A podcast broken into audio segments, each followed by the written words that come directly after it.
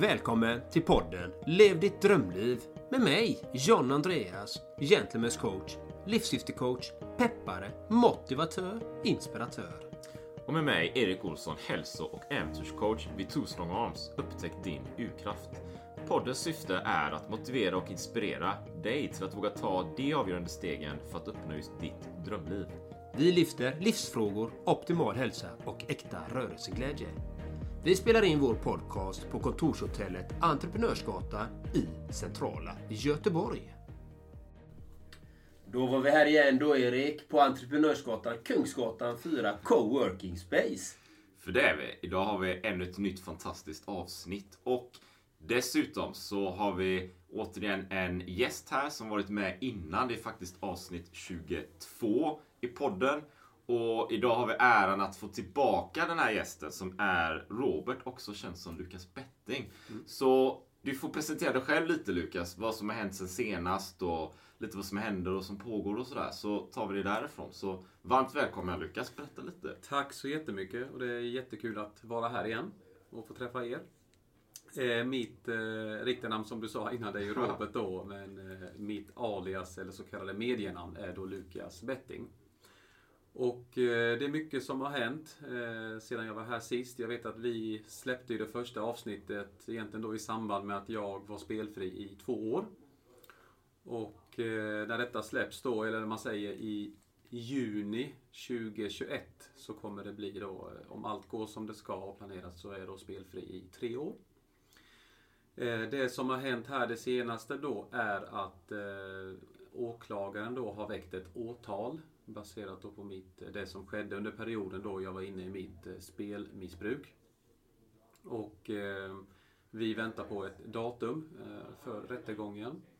Och det är ju, vet ju inte hur det kommer gå där och jag försöker ju egentligen att eh, ja, men inte tänka på det så mycket utan jag gör det jag kan göra just nu och, och eh, när det är dags, ja då är det dags. Så det är det som jag har att vänta på. Ehm, Sen är det ju tyvärr då under den här pandemin som, som, vi, har, eller som vi fortfarande lever i så är det ju otroligt många som hör av sig till mig dagligen. Det är människor som eh, är inne i sitt beroende. Det är eh, nära anhöriga som då är medberoende som skriver. Och problematiken bara växer och växer och växer. Och jag känner ju där någonstans att jag försöker göra mitt allra yttersta och hjälpa så många jag kan. Eh, så det, är verkligen hemskt att se. Hej, jag Ryan Reynolds. At Mint Mobile, we like to do the opposite of what Big Wireless does. They charge you a lot, we charge you a little. So naturally, when they announced they'd be raising their prices due to inflation, we decided to deflate our prices due to not hating you. That's right. We're cutting the price of Mint Unlimited from $30 a month to just $15 a month. Give it a try at mintmobile.com slash switch. $45 upfront for three months plus taxes and fees. Promo for new customers for limited time. Unlimited more than 40 gigabytes per month. Slows. Full terms at mintmobile.com. Ready to pop the question and take advantage of 30% off? The jewelers at Bluenile.com have got sparkle down to a science with beautiful lab-grown diamonds worthy of your most brilliant moments. Their lab grown diamonds are independently graded and guaranteed identical to natural diamonds, and they're ready to ship to your door. Go to Bluenile.com to get 30% off select lab grown diamonds. That's Bluenile.com for 30% off lab grown diamonds. Bluenile.com. Hey, I'm Ryan Reynolds. At Mint Mobile, we like to do the opposite of what Big Wireless does. They charge you a lot we charge you a little. So naturally, when they announced they'd be raising their prices due to inflation, we decided to deflate our prices due to not hating you. That's right. We're cutting the price of Mint Unlimited from $30 a month to just $15 a month. Give it a try at mintmobile.com slash switch. $45 upfront for three months plus taxes and fees. Promo for new customers for limited time. Unlimited more than 40 gigabytes per month. Slows. Full terms at mintmobile.com. Problematiken fortsätter. Och det är inte bara vi pratar om nätkasinon och spel på, på betting eh, som eskalerar utan det som har kommit mycket i det senaste här också nu det är aktier. Och eh, tittar man då på sociala medier idag så är det ju, det kommer ju nya Instagramkonton varje dag i princip.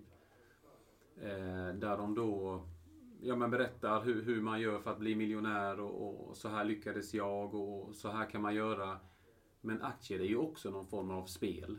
Det finns inget, eh, inget säkert spel på aktier. Eller att om du lägger in, sätter in så här mycket pengar så kommer du tjäna så här mycket. Det finns inget sånt.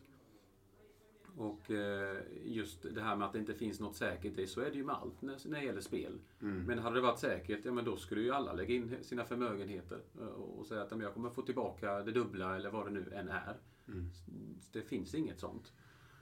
Och eh, skillnaden där med aktier och Eh, när man tittar på spel, det som har hänt då det sista, profiler på sociala medier har ju tagit, eh, de flesta i alla fall, har tagit mycket avstånd från att göra reklam för spelbolagen. För de vet allt det här hemska som det kan orsaka. Det familjer eh, splittras, det förstör liv. Eh, till skillnad då från aktier så kan man ofta se då att större profiler på sociala medier pushar då dessa konton som då vill synas mer. Att ja, men gå in och följ det här kontot så ska ni få hjälp med aktier och, och det är så här bra och så här mycket kan man tjäna. Och jag säger det eh, återigen att jag har fått så många meddelanden just om aktier där de berättar då att en del byter ut sitt spelberoende på betting och nätkasinon mot aktier istället. Och så hamnar de i, det är samma problem där. Eh, och en del har jag också då pratat med många gymnasieungdomar. När de fyller 18 så går de direkt in och spelar på aktier för att de har sett flera unga killar också då på, på sociala medier att amen, om den personen lyckas så kan jag också göra det. Och eh, det är ju så att det är så hemskt när man får höra för att det är ju mina föräldrar som har sparat fram tills att de fyller 18 år. Eh, och, och säger som så att amen, nu ska du få de här pengarna som då är tänkt till körkort, boende, eh, kanske då plugga vidare. Eh, det ska ju täcka sådant. Men tyvärr då så går dessa pengar till, eh, till just eh, spel och går förlorade. Och när de går förlorade, ja vad händer oftast då med hjärnan? Jo men då vill man vinna tillbaka. Då börjar det här med lån. Blankolån och eh, sms-lån med höga räntor. Och så är man fast till slut. Och då, det är då det här, mycket, det här med psykiska ohälsan kommer in också. Den försämras ju rejält när man är inne i den här problematiken. Ja, det är ju ganska mycket på sociala medier just om aktier och så. Och eh, det har jag ju själv sett eftersom jag är ganska aktiv på Instagram och så. Så det är ju väldigt många som delar aktiekonton och sånt. Sen, jag har ingenting emot aktier. Jag tycker det kan vara en bra, en bra sak att göra. Men det gäller att veta vad man gör och faktiskt vara insiktsfull. Att de här pengarna har jag. Det är långsiktigt på vissa aktier. Så att eh, det går ju. Men jag har ju faktiskt en vän som eh, som hade sålt sin bostadsrätt och fått en hyresrätt. Han hade en vinst. Han hade 650 000. Ja. Han förlorade allting på aktier. Ja. Han förlorade 650 000 på aktier. Han hade det här hävstångseffekten som de har då så att de har en viss leverage liksom på gånger 2, gånger 10, gånger 30. Jag, vet, jag kan inte dem för jag är inte med i det men där förlorade han alltihopa liksom. Eh, Så att eh, det är riskabelt att gå in i de olika branscherna liksom. Så att man ska vara medveten om det. Eller vad tycker du Erik? Nej, men nej, precis. Sitter och funderar på det. det. För det är ju, jag tänker att det är ju, det är ju spekulation ofta då. Eh, Det finns ju annat som, om man tänker man vill skapa och bygga en förmögenhet, har du passiva indexfonder till exempel, som jag vet många pratar om. Så är det ju någonting som det finns stöd för liksom, historiskt sett och sådär. Aktier är ju lurigare, det är det. Eh, Eller om man vill handla med guld och silver eller kryptovalutor eller råvaror på andra sätt. Liksom. Det är en annan slags spekulation där i vissa sammanhang som du berättar Jan Andreas, man äger kanske inte ens faktiskt den själva råvaran utan man spekulerar om den. Det kan gå upp och det kan gå ner och du kan göra vinst när det går upp och du kan göra vinst när det går ner. Men som du säger då Lukas, här, grejen är ja men, ja men det kanske funkar eller inte funkar i olika grad men var får man pengarna ifrån? Liksom? Det är ju det som är grejen då. Och om det inte går så bra, ja, men då kanske man börjar låna. Man börjar låna, det är en ränta, man lånar lite mer. Och där tänker jag mig, där finns ju ett, ett, ett samband med spelmissbruk till exempel. Liksom, att man vill ju ha mer för att kunna betala av och liknande. Så den, den liknar ju varandra väldigt mycket där. Att man hamnar ju liksom i, i fällan till slut, i björnfällan kanske. Med ena benet då, så kommer man inte loss där. Precis, ja effekten blir ju detsamma på något sätt. För att förlorar du, ja då vill du vinna tillbaka. Och det kan också vara så att det går bra i början med aktier och då tror man att man är bäst på det här också. Så förlorar man dem, ja då vill man vinna tillbaka det man hade vunnit. Alltså det blir så här, på något sätt så eh, det påminner så mycket om, om vartannat. Aktier och det här med spel på nätkasino och, och betting också. Men som jag sa innan då så är det att på något sätt så är det idag mer accept, det är accepterat att göra reklam för aktiekonton eller in och följ det här kontot och så vidare. Men skulle du göra reklam för, eh, för spel idag som en profil på sociala medier, då får du jättemycket kritik och hat för det. Eh, så jag, jag, tror att vi går mot det hållet också, att aktier kommer bli lite på samma sätt, tror jag. Men vi har inte kommit dit alls än idag. För det, har, det känns som att det är bara under de senaste månaderna Eh, som det har börjat eskalera med då. Just det här att man, ja men följ min resa. Och när man då som, det behöver inte vara en ung person generellt, att när man går in och kikar på ett sånt konto så, så visar de så fint ibland då att, ja, men titta på stapeln, så här gjorde jag och så här mycket vinner jag. Och då följer man kanske då den eh, det spåret också. Men, ja, nej precis. Nej, precis. För jag tänker att det är väl mer spel, eh, spel, det har ju blivit, det, det är inte lika, vad ska man kalla det, rumsrent kanske nu för tiden då. Ja, okej, okay, då förflyttas det fokus kanske eventuellt, jag tänker dock här, sakta till aktiemarknaden istället då. Mm. Mm. Och när vi tänker en, en börshaj, kanske vi tänker på en person som sitter många timmar framför datorn och kör, jag vet inte, så här daytrading och läser in sig mm. på hur det funkar och allting. Och då blir det, tänker man så här, ja. Då är det mer okej okay på något sätt att den personen får pengar, tänker man. Mm. För att den personen är ju insatt och så här. Man kopplar kanske inte det riktigt det än, så länge då, till, till beroende och låna pengar och så här. Så man har ju en annan visuell bild framför sig. Mm. Tänker jag när det handlar liksom om de olika sfärerna. Mm. Precis. Jag fick ju faktiskt förfrågan eh, det var ju någon som tyckte jag skulle highlighta aktien GameStop. Har ni hört talas om Just den? Det. Ja, det har jag gjort. Ja. GameStop. De, de highlightar den liksom att, eh, att man ska gå in och köpa den. Det gjorde inte jag, men jag, jag visade att det fanns en bra artikel om GameStop och deras resa. Det var faktiskt att det var eh, stora såna här, eh, vad är det de kallar såna här bettingbolag? Eller fond, inte fonder, vad är det de kallar de här stora bolagen nu igen? Som går in och investerar för förmögna människor. Går de in och för, satsar på en nedgång. Mm, mm. Och då mm. tjänar de pengar på nedgången. Men det som hände då var ju att då var det någon, eh, någon grupp som eh, privatpersoner eller någonting och alla samlades att de skulle köpa den här aktien och aktien gick, ju rakt upp liksom. Ja. Så de här som... Alltså ja. det blir ju gambling liksom. Mm, mm. Men det var många som förlorade mycket pengar på grund av det. Och det sker ju dagligen att stora sådana här bolag manipulerar egentligen marknaden. Mm. Och de som blir lidande är småspararna många gånger. Eller de som fastnar i ett beroende. De tror att det här kommer gå bra och de förlorar. Så det gäller att vara medveten om när man går in i de här bitarna. Okej, okay, hur går jag in? När går jag in? Går jag in långsiktigt eller går jag in bara för att eh, betta? Och den insikten har man inte alltid. Det, det, är väl mycket det här att, att vi har ju i samhället så här snabba pengar. Liksom. Snabba cash. så här, man ska spela och bli miljonär. Eller man ska aktier och bli miljonär. Så här. Och ofta kanske det då är många känner eller tycker eller tänker att det är deras väg ut. Så här, kanske från ekorrhjulet och sådär. Liksom. Det är stress och annat som pågår och man vill tjäna pengar och bli förmögen. Mm. Eller vinna då, få en avkastning. Men sanningen är ju någonstans att det ser inte ut så. Liksom. Vill du bygga en förmögenhet och komma någonstans, då behöver du jobba hårt för det under en lång period. Precis. Steg för steg så här va. Men det är ingenting som vi kanske lär oss. Liksom. Det är ingen som berättar ofta då hur man ska göra för att skapa den här förmögenheten när man vill göra det. Och mm. då, vad är det som återstår? Ja, det är att spela på den här Lotto och liksom missbruk och liknande. Då. Precis. Det blir lite så, tänker jag. Och jag vill ju också skicka ut ett varningstecken till alla som lyssnar här. att det är ju otroligt enkelt att fastna. Mm. Jag var ju en av dem som sa att det, det här kommer aldrig drabba mig. Och, och, kolla vad som hände med mig då. Eh, så att det är väldigt enkelt att fastna. Och just det här som, som du nämner då Erik, eh, med, med snabba pengar och så vidare. Det är ju, titta alla dessa reklamer om lån idag. Det är så lättillgängligt. Vill du ha snabba pengar på kontot på bara någon minut, exempelvis då.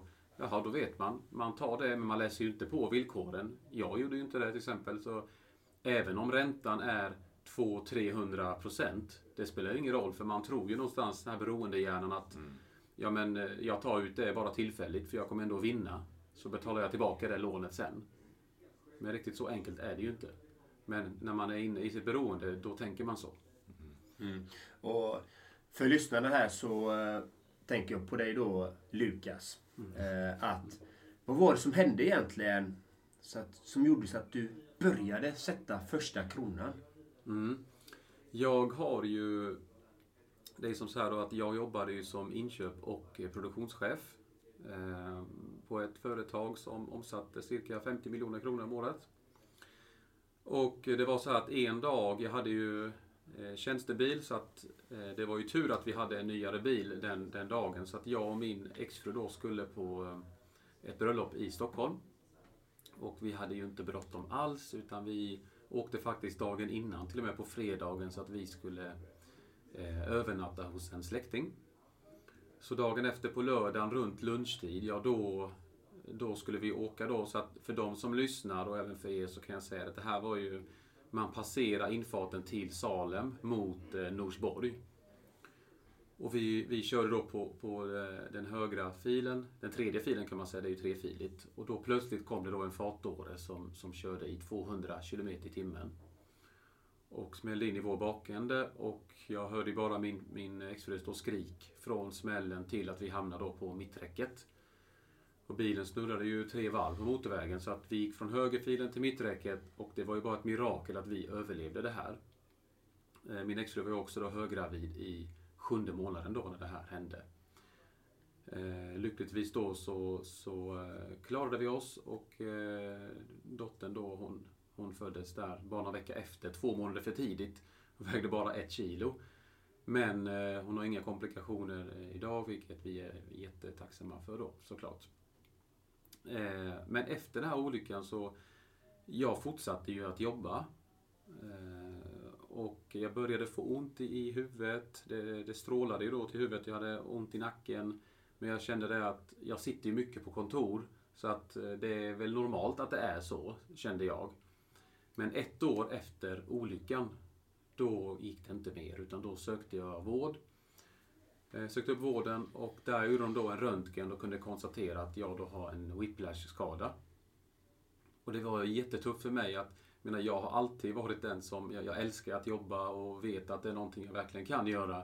Och helt plötsligt ska jag gå hemma med starka tabletter som Tramadol, Tremadol, Eh, eh, och så vidare. Och det blev ju jättetufft för mig. Eh, psykiskt påfrestande. Men eh, alltså just då under den perioden så var det också, Det kunde vara 12 spelreklamer under bästa sändningstid. Men återigen, jag var ju den som alltid sa att jag kommer inte drabbas och eh, jag menar, det får, det, visst det är spelreklam men det är inga problem för mig att stå emot. Eh, och jag har ju spelat tidigare med men det var ju absolut inte för summor i närheten som dessa. Men så en dag låg jag på soffan, eh, det här var då sommaren 2017. Så kunde jag inte stå emot utan jag ville testa på det här med, eh, med spel.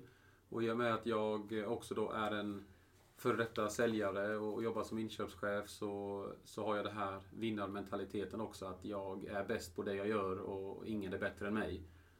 Och mycket riktigt då så kändes det så i början. Jag placerade då, gjorde insättningar på 30 000 kronor ungefär då de första två dagarna redan. Och efter fyra veckor så hade jag då gått plus över 100 000 kronor. Det är ju jättemycket pengar. Och där växte ju det här ännu mer, självförtroendet. Och jag menar, ja, jag är sjukskriven men jag menar, vad spelar det för roll? Det, blir ju ingen förlust ekonomiskt ändå. Jag menar, 100 000 på en månad, det är ju fantastiskt bra.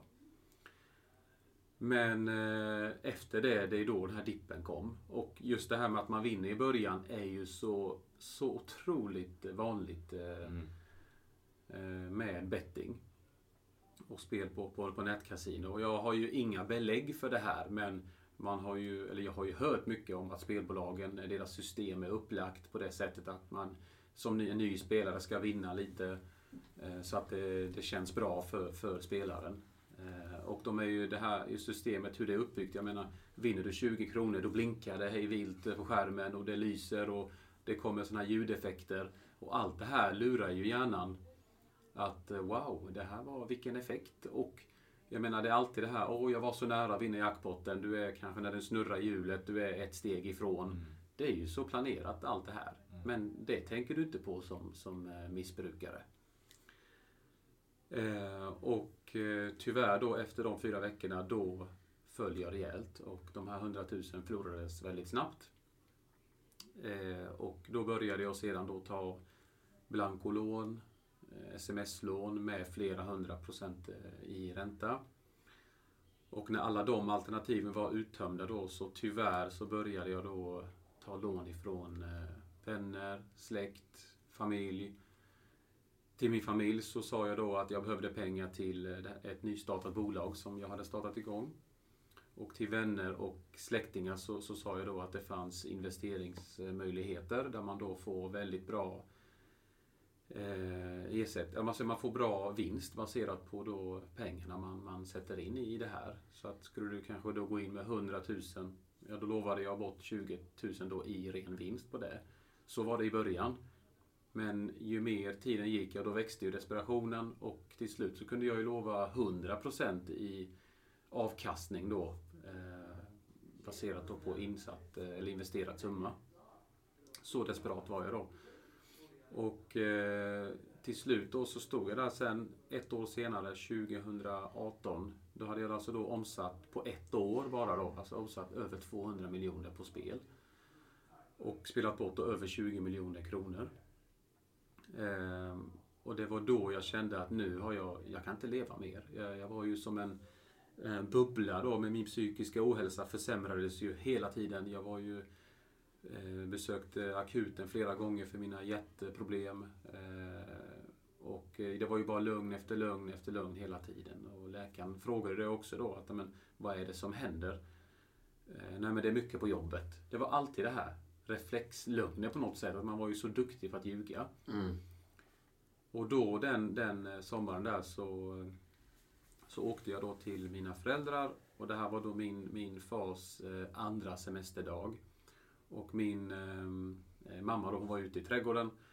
Och eh, pappa han var ju jätteglad såklart att se mig och sådär. Men han såg rätt snabbt att eh, jag, var, jag var så blek i ansiktet. Och han bara frågade vad, vad är barnen och frun och sådär.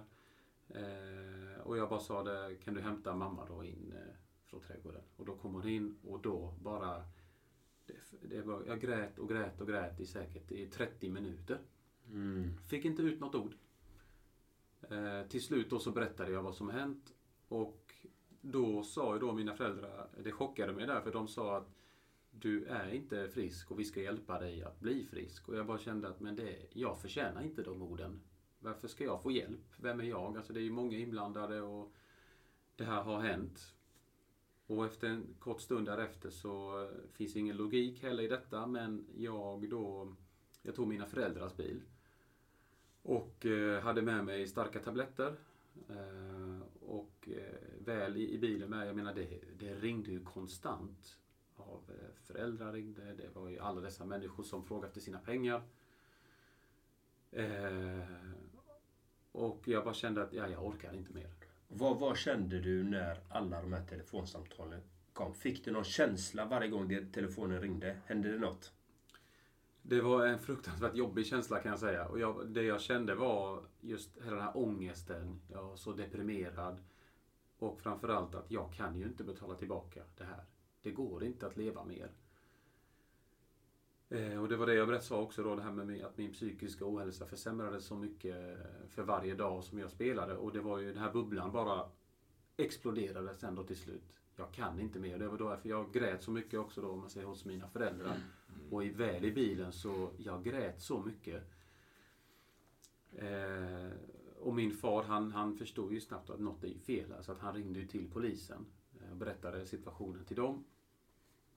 Och började då, de började snabbt spana efter mig då och kolla. Jag menar, jag kan ju inte ha hunnit så långt bort. Eh, så jag parkerade bilen vid, landsvägen och eh, gick ut och minns jag då så väl att jag böjde mig på huk eh, och bara grät och grät och grät. Och jag tog då fram mina, mina tabletter som jag hade med mig. Det var ju då tramadol. Så jag hann bara stoppa i mig en tablett innan då jag hör ett, ett skrik alltså bakom mig. Och då var det alltså polisen. Bara, Hörru! ropade han då. Och jag bara i ren panik försöker snabbt torka tårarna. Och eh, då säger polisen till mig då, vad, vad gör du? Vad, vad är det som försiggår här? Och, alltså kan man förstå att även där så kommer det en lögn igen. Det här med reflexlögner som jag pratade om då. Det är mycket på jobbet, sa jag då igen. Men han visste ju redan, för han sa det, det är inte så att du har lånat pengar av folk och du är skyldig folk pengar. Nej, nej, nej, så det är mycket på jobbet. Bara så här, försökte prata bort det eh, igen. Men då sa polisen det att jag kommer inte kunna leva med mig själv om inte jag kör dig till eh, psykiatriska akutmottagningen. Men innan vi skulle åka dit så, så stannade han till då. Eh, vi hade ju byggt ett nytt hus. Och vi stannade till där så att jag skulle få hämta lite saker då med mig. Eh, och då hade jag då alltså, som jag sa innan, jag hade en mobiltelefon med alla dessa missade samtal, meddelanden. Och den här mobilen var ju också från spelbolaget, vilket inte gjorde situationen bättre. Jag hade ju fått den som en gåva. Så jag plockade alltså fram en, en kötthammare.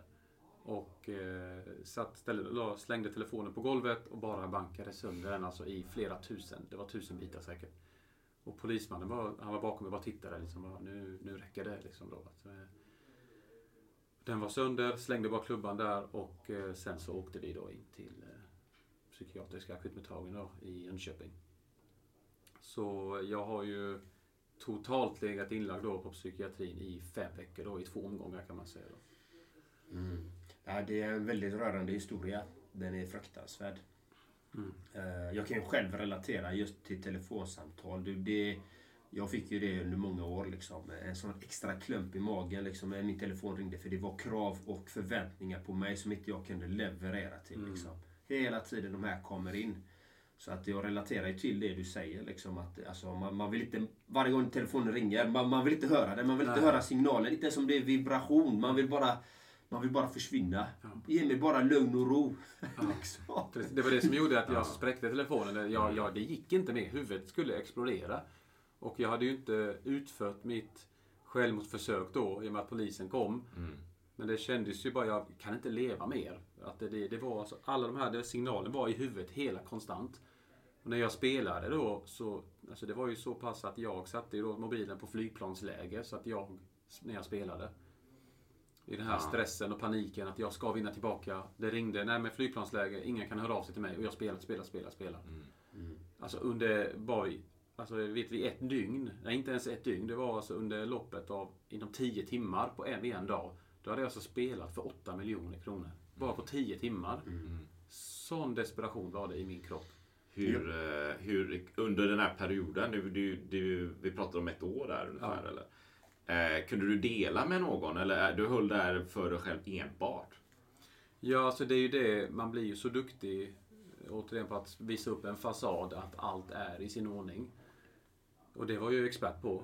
Och eh, tyvärr också då att jag, som jag sa innan, att jag har varit säljare och jobbat som inköp och produktionschef så kunde jag ju prata för mig.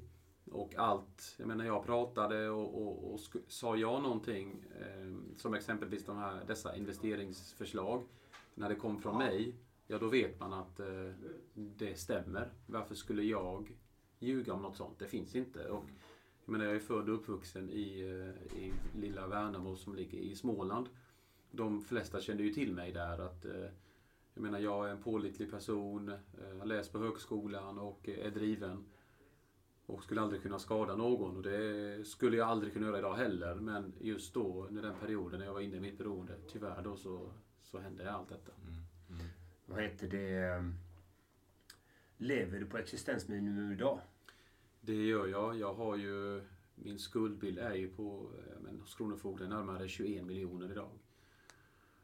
Och jag lever på 2800 kronor i månaden.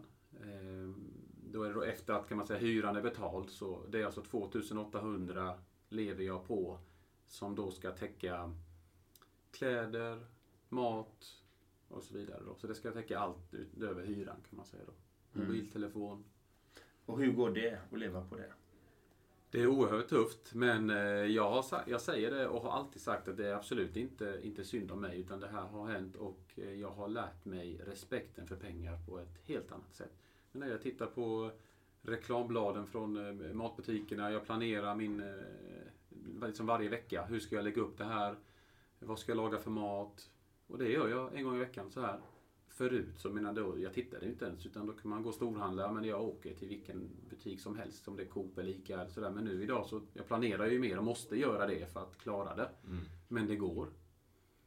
Eh, Och det är liksom många som, som tänker att men det är omöjligt. Hur kan du klara dig på det? Jo, men det, det funkar faktiskt. Och det, Jag har klarat mig på 1 och 4 på en månad. du har gjort det. Ja, det- Ja, det är bra. Jag har, det är testat, otroligt, ja. jag har testat gränserna. Du vet hur det är. Ja. Jag vet hur det är, Ja. det kan jag säga. Så jag har testat det. Och, så för er som faktiskt lever på existensminimum, det, det är tufft, absolut. Men det går att faktiskt att klara sig liksom. Och, och ändå kunna må bra trots allt. Men det gäller hur vi prioriterar faktiskt. Det handlar lite om det. Sen finns det lite små tricks och donar man kan göra och sånt här som är som är lagliga man kan göra liksom. Man kan kanske gå till någon kompis, äta en god middag där, till sina familjer. Kan, man kan gå till något ställe där de kanske erbjuder något gott att äta.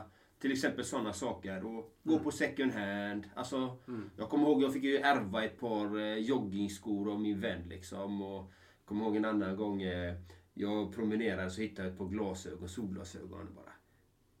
Var så glad va. Jag Bara, nu har jag ett par solglasögon! Ja. Bam! Så tog jag på mig dem och gick till min vän liksom och han... Han bara... De där kan inte du ha. De ser för jävliga ut. så gav han mig ett par riktigt fina, så jag blev så tacksam. Och det här är ju... När man har varit med om det du har varit med om, du får ju en annan tacksamhet. Upplever du det för saker och ting? Verkligen. Ja, herregud. Det är, det är sånt som jag är tacksam för idag som jag aldrig kände förut. Aldrig. Jag uppskattar livet på ett helt annat sätt eh, idag. Och jag kan också säga det egentligen då att det allra, eller det värsta som hände mig när jag blickar tillbaka då, det är ju att efter allt kom ut kring mitt, då, mitt beroende så men jag fick ju inte träffa mina barn på, på sex månader. Och det kan jag säga att det är det absolut värsta som har hänt i mitt liv. Alltså det var... Jag liksom trycktes ner psykiskt hela tiden med det här. Jag undrade hur ser mina barn ut och vad gör de? Eh, är de glada? Hur ser de ut till och med för barn? Det ändras ju så mycket från dag till dag. Alltså när de eh, speciellt var så små. Min son var ju bara sex månader då. Och eh, menar, han fyllde ett år. Jag fick ju inte se, eh, vi inte vara med på hans födelsedag. Min dotter fyllde år. Fick inte se henne heller när hon fyllde år. Och sju månader efter, efter allt hade hänt, och då skulle jag då få träffa mina barn för första gången. Och det var så, eh, låter kanske konstigt, men det var så nervöst på något sätt. Jag skulle liksom rätta till tröjan lite här och jag var så här, det var så spänd inför mötet. Och då hör jag då eh, min dotter utanför den här lokalen där vi skulle träffas. Så bara hör jag dottern och, och sonen. Och när jag ser min, min dotter då så skriker hon eller ropar pappa, ropar hon då. Och sprang fram till mig och jag, liksom, jag kunde inte hålla från tårarna. Och grät och kom liksom tårar på hennes hår. Och hon sa det, pappa ledsen, sa hon då. Så det var alltså så känsligt ögonblick. Eh, men också då att jag kan säga att den dagen var ju den bästa dagen i mitt liv sen allt kom ut, kan man säga då. Eh, för det var så fint och det är för dem jag kämpar eh, idag. De ger mig så mycket styrka att göra det jag, det jag gör. Om man säger så komma tillbaka starkare än, än jag någonsin har varit och eh, också visa alla dessa drabbade människor med handlingar vad jag verkligen vill göra framöver nu. Eh, för det var också i den vevan där som, som eh, jag verkligen bestämde mig då att nu ska jag ta tag i mitt liv. För min, min bror pratade med mig då i, i över en timme. Hey, I'm Ryan Reynolds. Recently, I asked Mint Mobile's legal team if big wireless companies are allowed to raise prices due to inflation. They said yes. And then when I asked if raising prices technically violates those onerous two year contracts, they said, What the f are you talking about, you insane Hollywood ass? F- So to recap, we're cutting the price of Mint Unlimited from $30 a month to just $15 a month. Give it a try at mintmobile.com slash switch. $45 upfront for three months plus taxes and fees. Promo rate for new customers for limited time. Unlimited more than 40 gigabytes per month. Slows. Full terms at mintmobile.com. If you're struggling to lose weight, you've probably heard about weight loss medications like Wigovi or Zepbound, and you might be wondering if they're right for you. Meet PlushCare, a leading telehealth provider with doctors who are there for you day and night to partner with you in your weight loss journey. If you qualify, they can safely prescribe you medication from the comfort of your own home. To get started, visit plushcare.com slash weight loss. That's plushcare.com slash weight loss. plushcare.com slash weight loss. Och eh, han, han sa det till mig att eh, du är inte ensam om det här. Tänk på alla stackars människor som har drabbats på grund av ditt missbruk också. Och du kan inte prata mer för att du har ju ljugit så mycket tyvärr. Eh, och du måste också visa med handlingar framåt vad det är du vill göra. Mm. Och då vägde jag alltså då 116,5 kilo den perioden. Jag åt ju alltså det låter så sjukt att säga det, men jag åt alltså ostbågar till frukost. Det var det jag gjorde. Och friterat och det var... Nej, jag orkade ju ingenting. För jag fick ju inte heller se mina barn. Men då vände min resa där. Fick träffa mina barn och jag började då med min träning. Så att, jag menar, jag sitter här idag, jag har ju gått ner 30, över 35 kilo. Och eh, det har verkligen lyft mig på ett sätt. Alltså träningen har hjälpt mig otroligt mycket. eh, Måste jag säga. Och det är just det som man brukar säga, hitta dig en hobby så att du kommer på andra tankar. Det behöver inte vara gymmet eller springa ute. Det kan vara vad som. Du kan kanske spela lite kubb, eller du kan spela bowl, du kan gå till biblioteket och, och läsa en bok. Bara alltså hitta din grej som gör att du inte sitter hemma och bara tänker på spel eh, hela tiden då. komma loss liksom. Eh, Jag, funderar också på vad, är det som sen avsnitt eh, 22 är liksom, för ett år sedan då. Vad, vad är det som har hänt under den resan liksom? Vad är, vad är det för förändringar som har pågått? Jag vet, det är det är, det är olika processer som händer så här. Dela gärna lite om, om, om det då. Ja, jag kan ju berätta eh, något som också händer och det är ju att vi, min bok eh, är ju släppt då, min självbiografi. Och eh, den, när vi släppte första avsnittet så hade den ju varit ute i cirka sex månader. Och eh, förhoppningen är då det, att det är ett, ett företag här som eh, efter brottsutredningen ska lansera boken internationellt. Vilket jag verkligen hoppas på. Och eh, för de som kanske inte lyssnade på första avsnittet heller då så kan jag säga det att ja, men alla mina intäkter går ju till att betala tillbaka till det som har drabbats.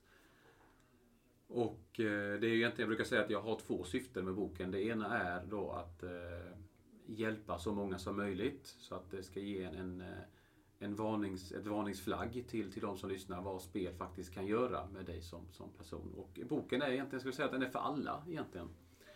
Och det andra är då, som jag sa, det här med intäkterna, att de går till att betala tillbaka alla. Så det hoppas vi på, att det ska bli lansering internationellt. Eh, och sen är det då det här med eh, brottsutredningen. Eh, det är en process där. Vi, åklagaren har ju då väckt åtal och vi väntar nu då på ett datum för rättegång. Det är jättesvårt att säga när det blir. Jag skulle väl kanske tro att det blir sommaren 2021 då. Ehm, men vi får se och förhoppningen är att det kommer datum här nu de närmsta veckorna då. Kommer få det. Och det är ju såklart oerhört tufft det här för att det är ju en ständig påminnelse om allt som har hänt. Det är ju ingenting man glömmer bort det här utan det här kommer ju alltid vara en del av mitt liv. Men det är såklart det är ju jättetufft att veta att nu har jag en rättegång som, som väntar här och eh, jag tänker ju såklart ofta att hur kunde det här hända och hur kunde det gå så långt? Och det är ju då, ja men som exempelvis träningen är ju viktigare än någonsin för mig. För att det är då jag verkligen kämpar och kommer på lite andra tankar när jag väl tränar. Så det, det väntar vi på också nu då. Ehm, sen så har vi då rättsprocesser mot spelbolagen som vi fortfarande håller på med. Eh, det finns mycket där, jag menar lyssnar man då så kanske en del känner att ja men det är ju ditt eget ansvar det här, det är ditt fel. Jag har aldrig sagt, sen jag gått ut i media första gången, så har jag aldrig sagt att jag skyller på någon eller skyller på något. Eh, och det står jag fast vid. Det här är mitt ansvar, det är det som har hänt. Men spelbolagen har ju då eh, gjort saker som inte är helt korrekt då. Eh, och, tyvärr så kan jag ju inte nämna dem här där vi sitter idag. Men det är något som vi då kommer att, eller vi håller på och driver det vidare då i rättsliga processer mot spelbolagen. Och sen har vi även då banken som vi också håller på med. Ehm, Handelsbanken främst då för att eh, när jag spelade så, så blev jag ju mer eller mindre, alltså jag blev spärrad från alla banker. Förutom då Handelsbanken. Jag omsatte ju 4 miljoner kronor i månaden så det var ju pengar in och ut och Det var ju då alla dessa människor som skickade pengar till mig. Men banken satte aldrig stopp. Det gjorde alla andra. Men inte Handelsbanken. Och jag, när jag fick frågan då, vad är det för pengar? Ja, då kunde jag säga det att eh, jag spelar med mina vänner. Eh, jag lånar från vänner och det tyckte de var helt okej. att jag kunde spela med mina vänner. Eh, och då fick det då pågå det här. Eh, trots att alla andra banker spärrade mig. Men inte då Handelsbanken. Eh, och det var ju ett sånt märkligt uttalande då eh, från Handelsbankens presstalesman eh, när jag gick ut i Aftonbladet första gången. Då hade han sagt till journalisten då att vi bryr oss inte så han om våra kunder köper lösgodis eller barnporr. Eh, och det var ju ett sånt uttalande som väckte extremt stor eh, uppståndelse. Mm. Alltså överallt i media. Det blev ju kaos. Och dessutom så var ju min artikel där en av de mest lästa på Aftonbladet. Så att då blev det ju ännu mer Mm. eh, press och tryck liksom just mot Handelsbanken. Så att det håller vi också på med. Eh, så det är mycket rättsliga processer där som, eh, som sker eh, framåt nu då. Vad, vad är det för... Den brottsrubriceringen tänker jag på. Liksom, hur, hur ser den ut? Eller rent, om man tänker, om du, om du vill dela det Absolut. praktiskt sådär, vad är det som man, vad är det handlar det om egentligen? Absolut, det är ju offentligt med så att det är ju grovt bedrägeri. Mm. Eh, om inte jag minns fel i rubriceringen så var det då två fall av grovt bedrägeri Mm. Och ett fall då av urkundsförfalskning. Mm. Okej. Eh, det är då rubriceringen mot, mot mig då. Mm. Mm. Jag tänker på hur har de här händelserna stärkt dig som människa? Mm. Jag skulle vilja säga att det har stärkt mig alltså, otroligt mycket. För att jag trodde ju inte att man som person skulle kunna stå emot eh, framförallt så mycket hat som jag fick i början. När jag då gick ut i Aftonbladet första gången så var det ju extremt mycket hat som jag fick mot mig. Och eh, efter säkert över tusen eh, hatkommentarer och, och negativitet som kom in så så, eh, så bara kände jag att det här går ju inte. Alltså det är ingen människa som kan klara av sånt här. Det är bara liksom, jag, try- återigen det här psykiska bara trycks ner hela tiden. Men eh, jag stod emot det och jag kände det att jag gör det här för att jag vet hur många som har problem.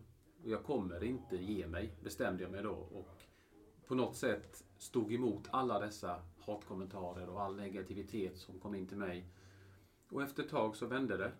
Jag vet att efter mitt deltagande i Framgångspodden så vände det till kärlek istället. Vilket var, ja, jag vet inte vad jag ska säga, men det var så fantastiskt att eh, få den kärleken av folket. Att du, det är så starkt som gör det här och du vill hjälpa andra med din berättelse. Ehm, och just den biten kombinerat med all den här träningen. eh, Jag har då den här respekten för pengar idag. Alltså det har gjort mig så mycket starkare eh, som, som person. Och jag bara känner det att kan man klara sig igenom något sånt här, då kan man klara sig igenom vad som helst i, i livet. Lite så, så känner jag. Eh, Så att, ja, det har verkligen stärkt mig kan jag säga, hela det här händelsen.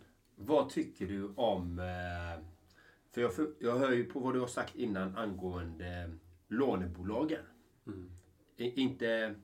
För lånebolagen är ju även kasinorna också. De lånar ju också ut pengar som jag förstått det då till de som spelar. Men även, det finns ju sms-lån, det finns olika lån. Sådana som delar ut lån och har ockerräntor. Hur ser du på det? Det är ju det här som jag pratade om också innan, att det är ju så hemskt att just hur enkelt det är att få ut pengar. Hur snabbt det går. Och det här med räntan, det är ju otroligt hög ränta. Och då, då är det ju så här att jag menar, just att det är så lättillgängligt allting idag. Spel är lättillgängligt, lån är lättillgängligt. Eh, Jag menar, du sitter hemma i pandemin, du kanske har blivit av med jobbet. Vad gör du? Ja, du försöker söka dig till något. Då kanske blir spel i det här fallet då. Och du får ut pengar så snabbt. Och det är inte bara lånebolagen, utan som vi sa då, spelbolagen har ju också att du kan till och med spela på faktura.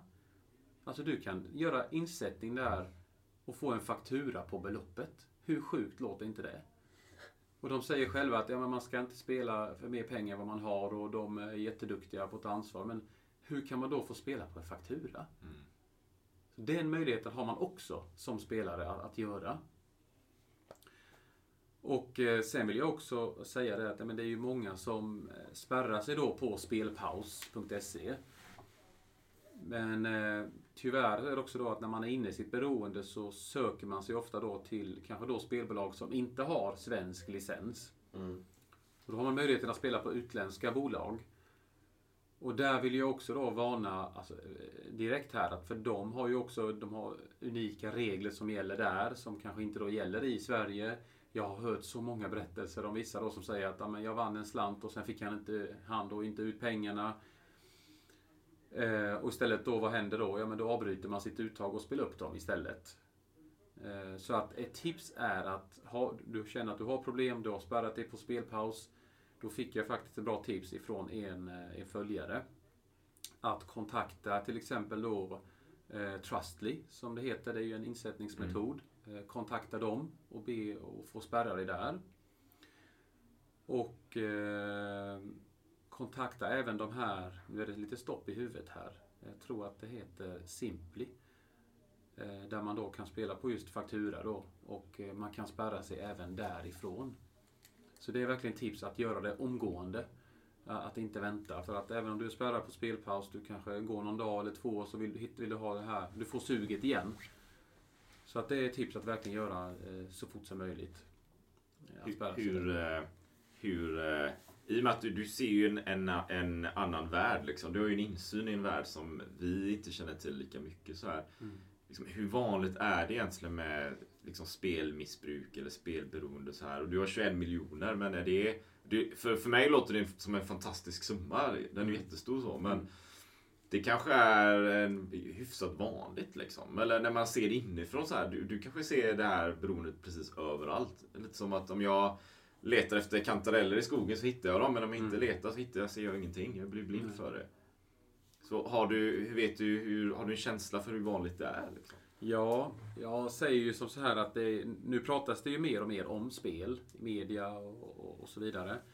Men jag säger också det att om människor där ute hade fått se min inkorg på Instagram, då hade man nog förstått att herregud vilket problem det här är. Det är så många som hör av sig. Alltså jag ser det här varje dag och det är som du säger, ni, det kanske inte är lätt för någon annan att förstå hur stort och allvarligt det här faktiskt är. Men jag får alltså meddelanden, jag säger det igen, varje dag. Och det är människor som har självmordstankar, eh, familjer splittras. Det, det är alltså fruktansvärt. Eh, så, så hemskt det är. Och när jag liksom har sett och fått så många meddelanden så att det är otroligt stort. Och tyvärr har det vuxit då ännu mer under den här pandemin.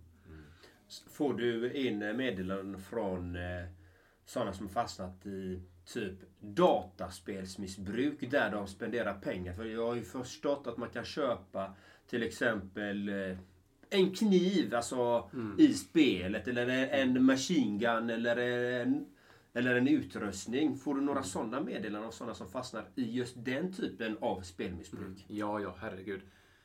Och det är ju då eh, gymnasieelever som har kontaktat mig. Många vill ju att jag ska ut och föreläsa i, i sko- gymnasieskolorna för att det är så vanligt att man spelar mycket då datorspel, man köper, som du säger, det kan vara en kniv, det kan vara en pistol i spelet. Och det är ju där det börjar lite med att man köper saker till spelet. Datorspelandet blir ju också ett beroende för de spenderar alltså, flera timmar varje dag. De är uppe på nätterna, sover dåligt, det går ut över, över betygen i skolan. Eh, orsaker till det kan ju vara flera stycken, men det kan också ibland vara att de, en del känner sig utstötta. Det är mycket kanske mobbning i skolorna och sådär. Då söker man sig till, till datorspelandet, för där är det lite annat. Man har gemenskap med andra människor där. Men tyvärr också då att när de fyller 18, då går det många gånger då över till eh, Alltså de spelar för pengar då på exempelvis nätkasino, eh, betting, eh, aktier eh, och så vidare. Då. Det, det går ut över det. Så att det börjar med datorspelandet som också blir ett, ett missbruk i sig. Man missbrukar datorspelandet för man, man, eh, man spelar inte eh, Eh, ibland kanske då för att det är roligt. Man spelar för att man måste göra det. Man går in i en värld där man då kopplar bort exempelvis kanske då mobbning och, och sådär. Och därför då eh, tycker då, men när jag blivit kontaktad av skolor och så som gärna vill att jag ja, men ska föreläsa på just gymnasieskolor så att de får höra hur snett det faktiskt kan gå. Och egentligen hur viktigt det är att man är snälla mot varandra och, eh, och eh, ja, men, tänker till. Mm. mm. Jag, jag tänker på... Jag minns ju själv liksom alltså de här pokermaskinerna. Jack Vegas eller vad de heter. Las Vegas. Jag vet inte vad de heter. Men jag minns ju själv. Jag, jag började spela på dem. Alltså vilket trigger alltså. Det, det sätter ju igång allting. Jag la in en hundralapp. Jag vann. Och bara wow! Tar ut dem. Sen la jag in igen. Helt plötsligt hade jag förlorat en tusing liksom. Och jag bara herregud, det här är livsfarligt. Och så, jag hade ju vänner liksom. Jag såg ju de eh, ja, fotbollsvänner som bara la in hundralappar efter tusen. Och till slut blir det hundralappar, tusenlappar. Alltså de satt där flera timmar framför de här Jack Vegas-maskinerna. För det är så starkt beroendeframkallande. Ja. Ja. Just att det blinkar det här med ju, att när du vinner en liten summa så, så blinkar det till i skärmen. Och det är det som, som verkligen går in i, alltså hjärnan, det lurar dig på det sättet att eh, det är häftigt. Och man vill fortsätta spela så att det ska blinka oftare. Det, det, jag tycker det, det behövs regelverk, tycker jag i alla fall. eh, Ansvarstagande från eh, både spelbolag, eh, utlåningsbolag, kreditbolag. Alla de här bitarna. Att faktiskt ha tydliga regelverk också. Eh, tydligare, för jag tycker inte de är tillräckligt tydliga. Så som jag har förstått det i alla fall. Hur Jag håller med. Det håller du med om? Ja, precis så är det. Det behöver bli skärpas till mycket, mycket mer. Visst, vi är en, en bit på väg. Det börjar hända lite mer nu, men vi har en lång väg att, att gå. Mm. Och det, jag, jag har för mig det finns en till som också har tagit upp kampen emot spelbolagen. Vad heter han? Per Holknekt? Per och precis, ja. Har du någon kontakt med honom? Det har vi haft, ja. Eh, Det har vi haft. Så att vi eh, känner till varandras berättelser med. Så han han också han har tagit upp kampen på riktigt också mot spelbolagen. Ja, spännande. Och följer ni varandra som era processer eller så här? Ja, nej men det har vi. Vi har en, en liten dialog där så att vi vet lite vad som, vad som händer. Då. Så han kan ni också kolla på. Per Holknekt. Mm, verkligen. Han kan få några eh, tips också. tycker det är jättebra att han, han har verkligen tagit upp kampen här mot eh, spelbolagen. Det behövs mer sånt. Mm. Precis. Jag är också lite nyfiken på, för du nämnde innan här eh, i podcastavsnittet här, träningen och den biten. Mm. Dela gärna lite mer där. Liksom. Hur hjälper träning och hälsobiten dig att, att känna dig mer närvarande och, och liksom starkare? Hur, hur funkar den biten? Mm. Det är just det här att, eh, att när man tränar, om det är gymmet eller om det är en eh, löprunda, så, så just att man kommer på helt andra tankar när man tränar. Det är så eh, vad ska man säga, det är så fantastiskt för själen just att när man är i det momentet där på, på gymmet och tränar och efteråt känns det så skönt att man har fått ut det som man svettas och man känner att man har gjort någonting bra. Och framförallt då sömnen utan träningen så det, jag hade inte kommit till ro eh, överhuvudtaget. Jag säger inte att min sömn är eh, jättebra idag, men det går inte att jämföra med hur den var i början. Och det är just att jag har ju så mycket tankar varje dag som sker såklart i huvudet och det är mycket som händer hela tiden.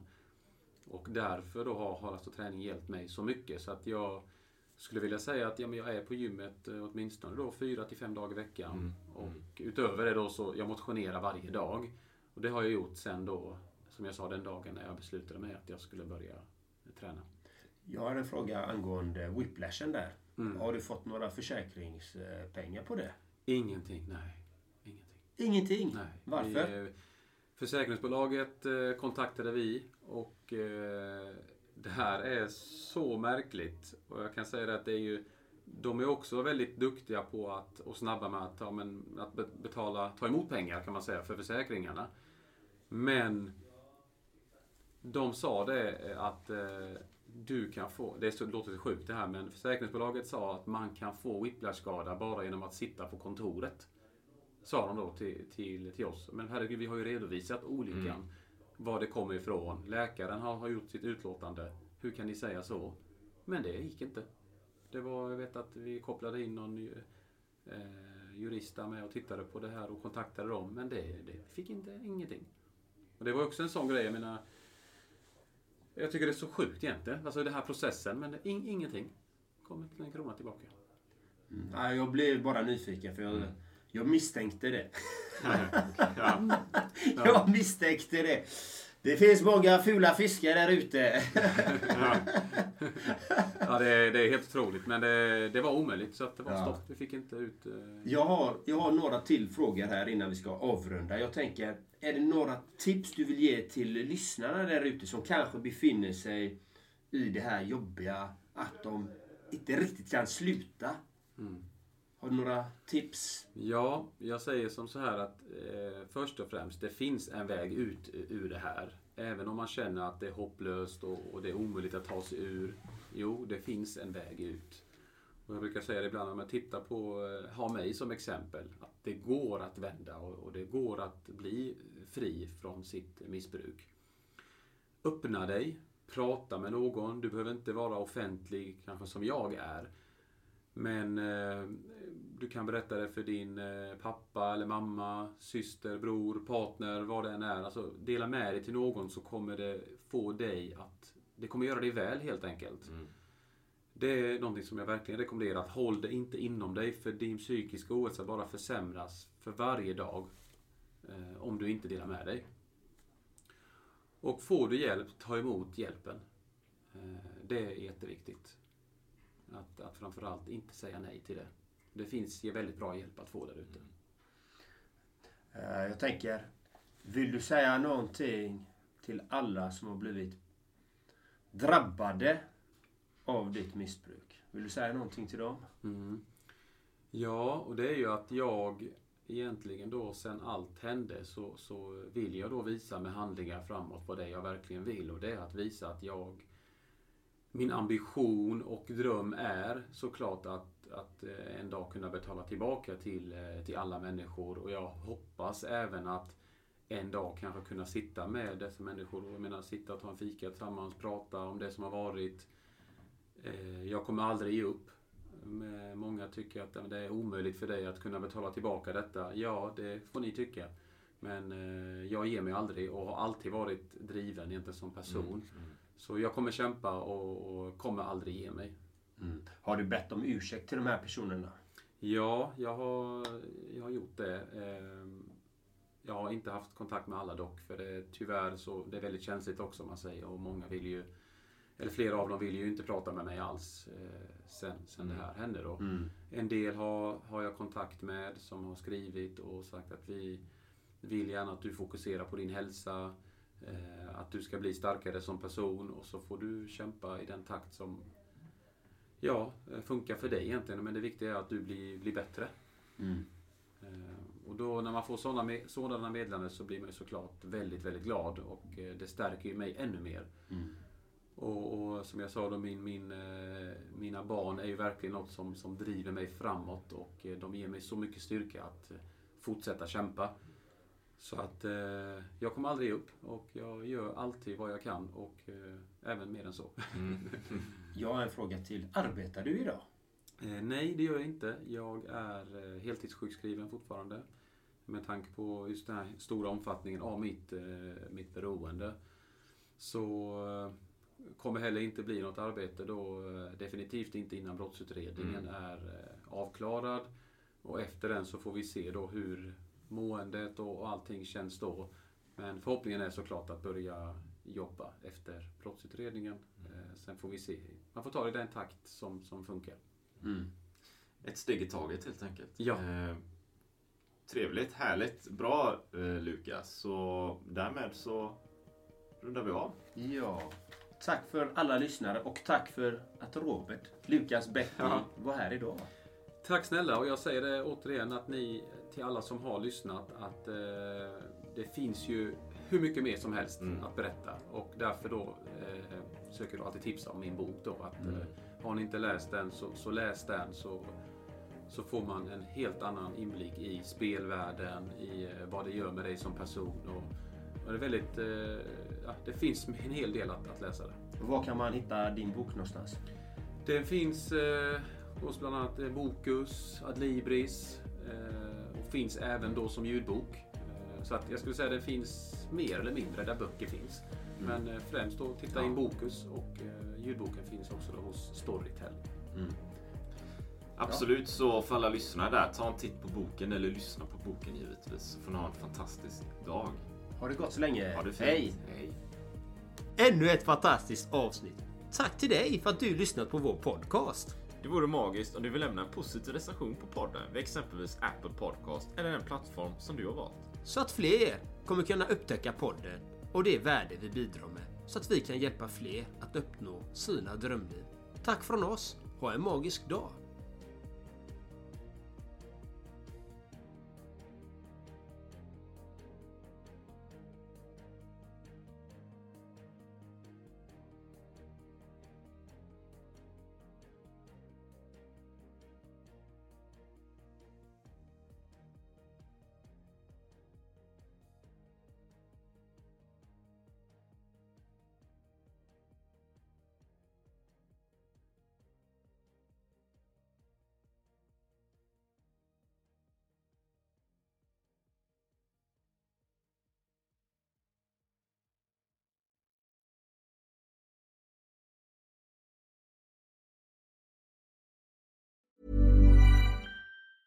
Ever catch yourself eating the same flavorless dinner three days in a row? Dreaming of something better? Well, HelloFresh is your guilt-free dream come true, baby. It's me, Kiki Palmer. Let's wake up those taste buds with hot, juicy pecan-crusted chicken or garlic butter shrimp scampi. Mm. Hello Fresh. Stop dreaming of all the delicious possibilities and dig in at HelloFresh.com. Let's get this dinner party started. Imagine the softest sheets you've ever felt. Now imagine them getting even softer over time. That's what you'll feel with Bowl and Branch's organic cotton sheets. In a recent customer survey, 96% replied that Bowl and Branch sheets get softer with every wash. Start getting your best night's sleep in these sheets that get softer and softer for years to come. Try their sheets with a 30-night guarantee. Plus, get 15% off your first order at bowlandbranch.com. Code BUTTERY. Exclusions apply. See site for details. Hi, this is Paige from Giggly Squad, and I want to talk to you about Splash Refresher and my water intake. Okay, so you guys obviously know that I'm a hydrated girly, but sometimes when you drink that much water, it starts to just taste bland, and you're just like, I need something to spice it up. That's why I love Splash Refresher. It has zero sugar, zero calories, and it's a splash of sweetness. And they come in five different flavors. They're so good. Wild berry, acai grape, pineapple mango, lemon, and mandarin orange. My favorite is the wild berry because I just I just love a berry. So if you're like me and you're drinking water all day, then try Splash Refresher. It's going to absolutely change your water game and it's good for you.